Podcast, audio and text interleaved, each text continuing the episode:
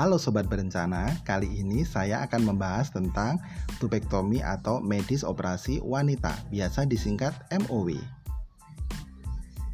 Tubektomi merupakan tindakan KB permanen atau sterilisasi pada perempuan yang dilakukan dengan cara memotong atau menutup tuba falopi sehingga sel telur tidak masuk ke dalam rahim, sekaligus menghalangi sperma untuk masuk ke dalam tuba falopi. Sama seperti vasektomi, tindakan ini juga memerlukan operasi dan tidak mempengaruhi gairah seks dan menopause. Efek samping dari tubektomi adalah 1. Nyeri pada panggul atau perut 2. Infeksi pasca operasi 3. Pendarahan 4. Komplikasi 5. Beberapa orang juga mengalami hamil ektopik Demikian yang bisa saya sampaikan. Sampai jumpa pada pembahasan alat kontrasepsi lainnya. See you.